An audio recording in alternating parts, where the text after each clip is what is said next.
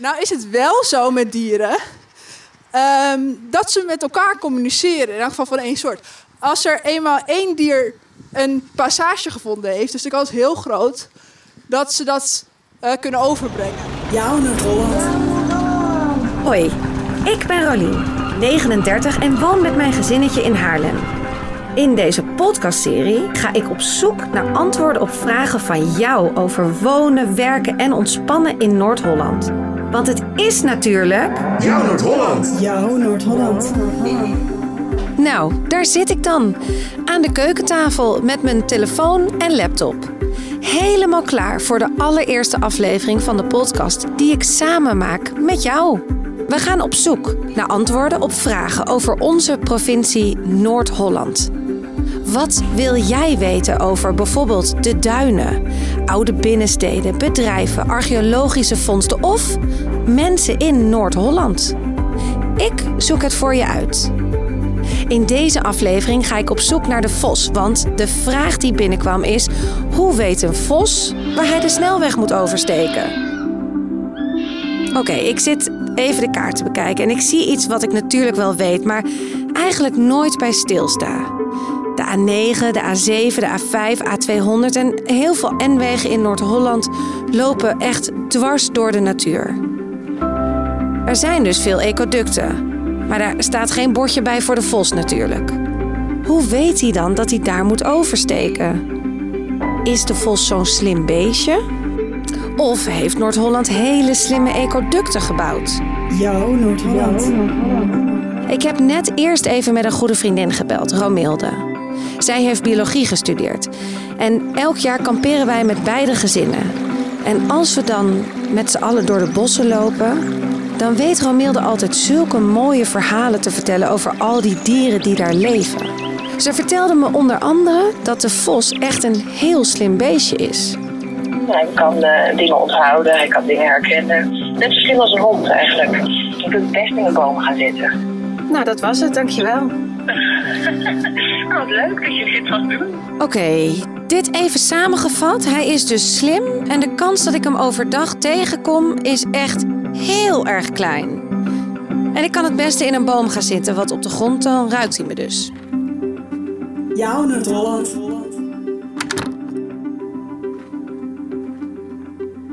Ik sta buiten voor de deur van mijn huis. En het is heel vroeg. En best wel koud. En ik twijfel of ik met de auto of met de fiets ga. Ik heb namelijk zo afgesproken met Judith Weijers. Judith is ecoloog en zij werkt bij de provincie Noord-Holland.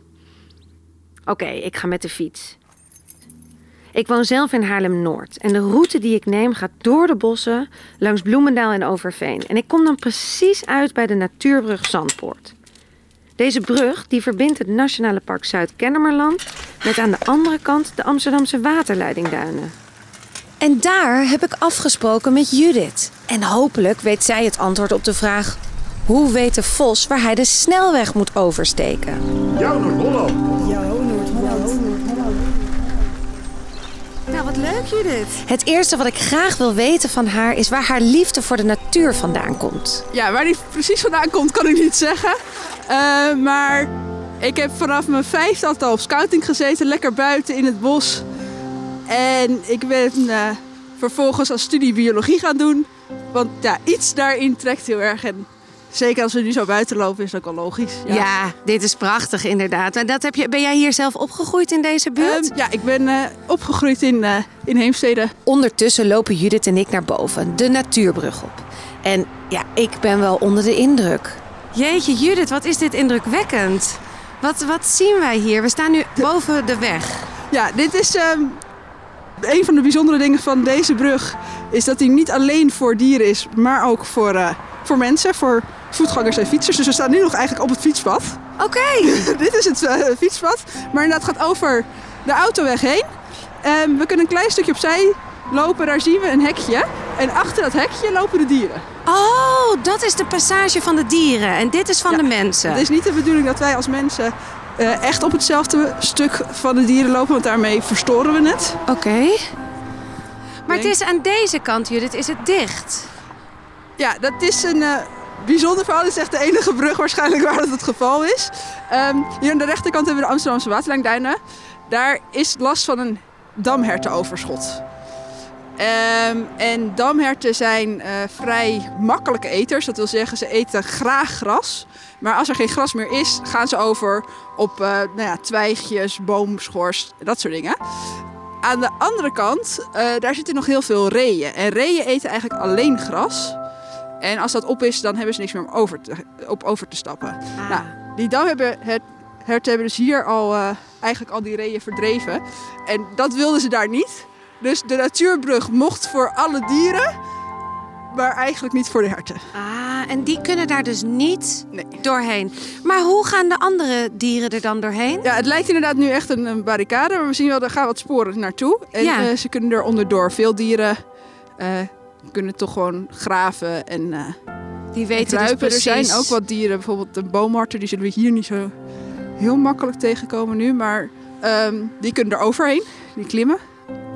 Eh, kleinere dieren als muizen kunnen er tussendoor, maar er zitten ook wat openingen aan de onderkant. Ja. Dus die kun- maar de vos die kan dus goed graven. Vos kan prima graven, ja. En die ruikt het ook. Die weet, hé, hey, ik kan hier een soort onderdoor. Ja, die, nou, als ze het hek tegenkomen, dan zullen ze wel zelf eh, gaan graven en eh er onderdoor gaan. Die moeten natuurlijk wel de brug ook vinden. Ja. Is die vos zo slim? Want hoe weet hij dat? Nou, dat is natuurlijk wel een, lastig verhaal in het geheel. Je moet zorgen dat alle dieren, de vossen, de- het kunnen vinden. Ehm, en er zijn allemaal ja, trucjes voor om te zorgen dat die brug gevonden wordt.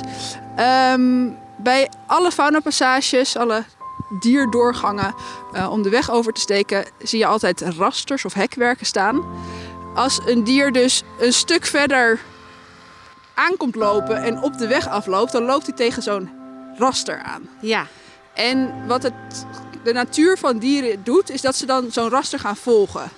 Niet voor kilometers lang. Op een gegeven moment denken ze ook, nou ik ben er wel klaar mee. Maar in elk geval een stukje zullen ze dat toch gaan volgen. En ehm, nou ja, zo worden ze dus naar zo'n passage toegeleid.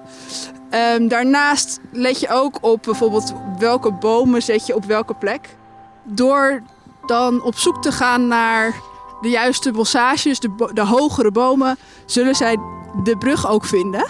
Het is niet zo dat een vos denkt: hé, hey, ik kan er hier niet door, er zal wel een brug zijn. Nou is het wel zo met dieren ehm, dat ze met elkaar communiceren, in elk geval van één soort.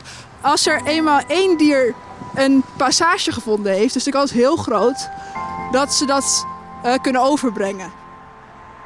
Ik had van mijn vriendin Romilde gehoord dat ik even moest vragen naar de Tor. Want de Tor schijnt er nogal lang over te doen. Over de oversteek van het ecoduct. Ja, die heeft behoorlijk wat generaties nodig om van de ene kant naar de andere kant Maar te komen. kan je dat eens uitleggen? Want die begint dan helemaal rechts aan de, de kant van de Amsterdamse waterleidingduinen. En dan, lopen ze een stukje verder, maken hier een holletje, vinden elkaar, maken Wonen een- daar. wonen daar, eh, gezellige kindjes. En die kinderen die gaan weer een stukje verder. we dwaalden helemaal af van de vos. Maar ja, als ik hier zo rondloop, dan wil ik steeds meer dingen weten. Bijvoorbeeld hoe lang het duurt om een ecoduct te bouwen. Dus vroeg ik het Judith, hoe zoiets in zijn werk gaat. Is dat ja, in een jaar geregeld of gaat daar veel meer tijd overheen? Zo'n ecoduct is wel eh, moeilijk om, eh, om voor elkaar te krijgen. Ja. Er zit wel behoorlijk wat weerstand in. En je hebt natuurlijk met de wegenbouw, het, het is gewoon heel lastig om Ja. een groot Want wat is dan de grootste weerstand om eigenlijk heel veel te gaan bouwen? Ehm, om te beginnen, de locatie moet geschikt zijn. Want zodra hiernaast al een, een huis zou staan, moet je dat huis weg kunnen halen, want je moet die toegang. Het is niet alleen maar dit stukje, eh, niet alleen de daadwerkelijke De brug, overbrugging over Nee. de weg heen, maar het is ook die hele toeloop. Dus je hebt echt een plek bij een weg nodig waar twee natuurgebieden al bijna tegen elkaar aan liggen. Dat is al niet vaak het geval. Ehm, en daarnaast, op het moment dat je zo'n ecoduct wil bouwen, eh, moet, wel, ja, je moet de weg tijdelijk afsluiten. Ja, Gigantische snelweg kan je niet zeggen, we gaan daar morgen beginnen. Nee. Dus eh, ook de aanloop kost echt jaren voordat je daar eh, Ja. echt de start mee kan maken. En met hoeveel mensen zitten jullie dan op zo? Hoe, met hoeveel mensen werk je dan echt nauw samen om dit soort dingen te realiseren? echt heel veel. ja. Want dat zijn dus niet alleen mensen die over natuur gaan, maar dat zijn dus ook de mensen die over die weg gaan. Ja, Ehm, en er zijn hele ingenieursbureaus bij betrokken die de daadwerkelijke brug gaan ontwerpen. En nou, dat zijn echt heel veel mensen ja, die voor één eco-passage nodig zijn. ja. Hoeveel eco-passages ga jij in je leven bouwen, denk je? Ik zou het wel heel mooi vinden als er zeker echt nog een paar grote passages bij komen. Eh, maar waar we nu ook druk mee bezig zijn, is om te zorgen dat juist die kleine tunneltjes eigenlijk standaard worden aangelegd op het moment dat er ergens aan de weg gewerkt wordt. Want een hert, een vos, eh, een otter, die kunnen redelijk grote afstanden afleggen. Dus als er dan eens in de zoveel kilometer zo'n grote brug is, is dat eh, voor hen prima. Maar het net ook over die padden die die kleine tunneltjes gebruiken. Ja, een pad legt heel weinig afstand af. Die wil van de ene poel aan de ene kant van de weg naar het leefgebied aan de andere kant van de weg. En als die een kilometer opzij moet voor een tunneltje, gaat hij dat niet doen. Nu terug naar de vos. Want daar kon ze nog wat interessante dingen over vertellen. Dus ja, ik weet wel dat ehm, vossen eigenlijk altijd kleiner zijn dan wij verwachten. Dat eh, mensen die een vos in het echt zien, die zijn dan toch even verbaasd van... oh, eigenlijk is het best wel een klein diertje. Het zijn hele mooie dieren. En hier in de Amsterdamse waterlijnduinen zitten ook een paar vossen die relatief tam zijn. Eh, ze raken heel snel gewend aan mensen.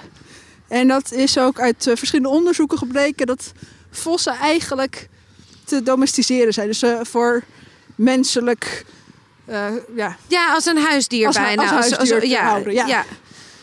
Dus dan zou die bijna een soort tam kunnen worden. Ja, en dat is ook een beetje wat hier in de Amsterdamse waterlijnduinen wel te merken is af en toe. Dat er een paar vossen zijn die zo gewend zijn aan mensen, dat ze dus ook niet meer bang zijn. Ze komen echt naar de mensen toe. Ah.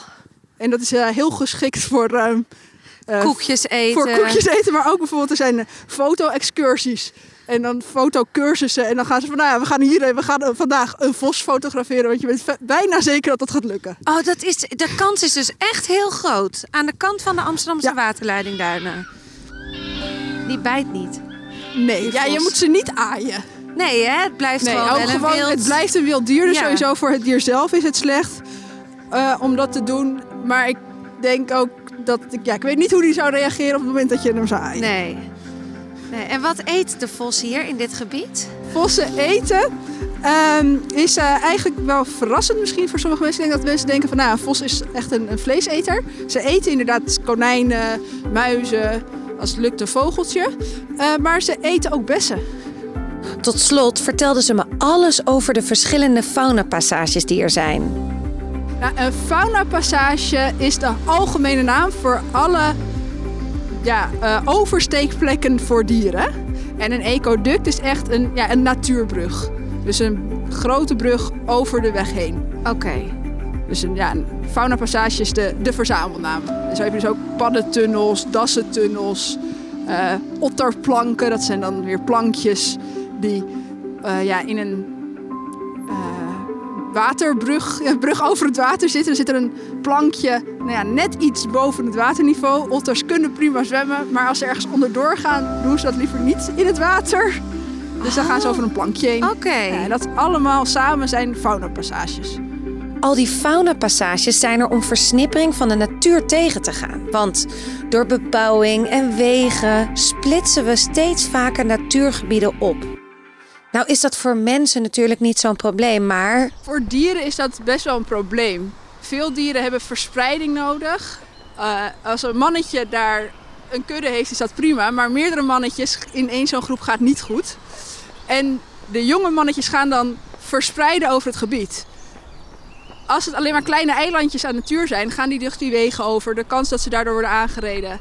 Eh, en dat dat probleem oplevert voor het dier zelf, dat uiteraard overlijdt. Maar ook voor de auto die er tegen aangereden heeft Ja. en eh, behoorlijke schade oploopt. Eh, ja, dat is gewoon een probleem. Dat is versnippering. En zo zijn wij met de provincie bezig met zogeheten ontsnippering. En nou ja, dat zijn dus deze faunapassages, Ja. ecoducten, om die natuurgebieden weer tot één te maken. ja, En dat is dus veiliger voor mensen, maar ook voor die diersoorten zorgt het ervoor dat zij veel meer kans hebben eh, om als populatie, om als groep te blijven bestaan. Wat is het leuk om met iemand in gesprek te gaan die zoveel verstand heeft van dit onderwerp. En mocht je een keer in de buurt zijn van de Amsterdamse waterleidingduinen, neem dan ook een kijkje op de natuurbrug Zandpoort. Want het uitzicht is prachtig. En wie weet zie jij wel een klein slim vosje. En dankjewel. Ik vind het, eh, ik heb alweer heel veel geleerd. Nou, dat is fijn. Zo in een, in een heel klein eh, ochtendje hier naartoe fietsen. Ik hoop dat ik zo antwoord heb gegeven op de vraag hoe de vos de snelweg oversteekt. En over al die andere dieren die door speciaal voor hen gemaakte passages kunnen oversteken. En heb jij een interessante vraag over natuur, klimaat, verkeer, wonen of ontspannen in Noord-Holland? Laat het me weten via www.noord-holland.nl slash podcast. Abonneer je op deze serie en laat een recensie achter als je het leuk vindt. Jouw Noord-Holland.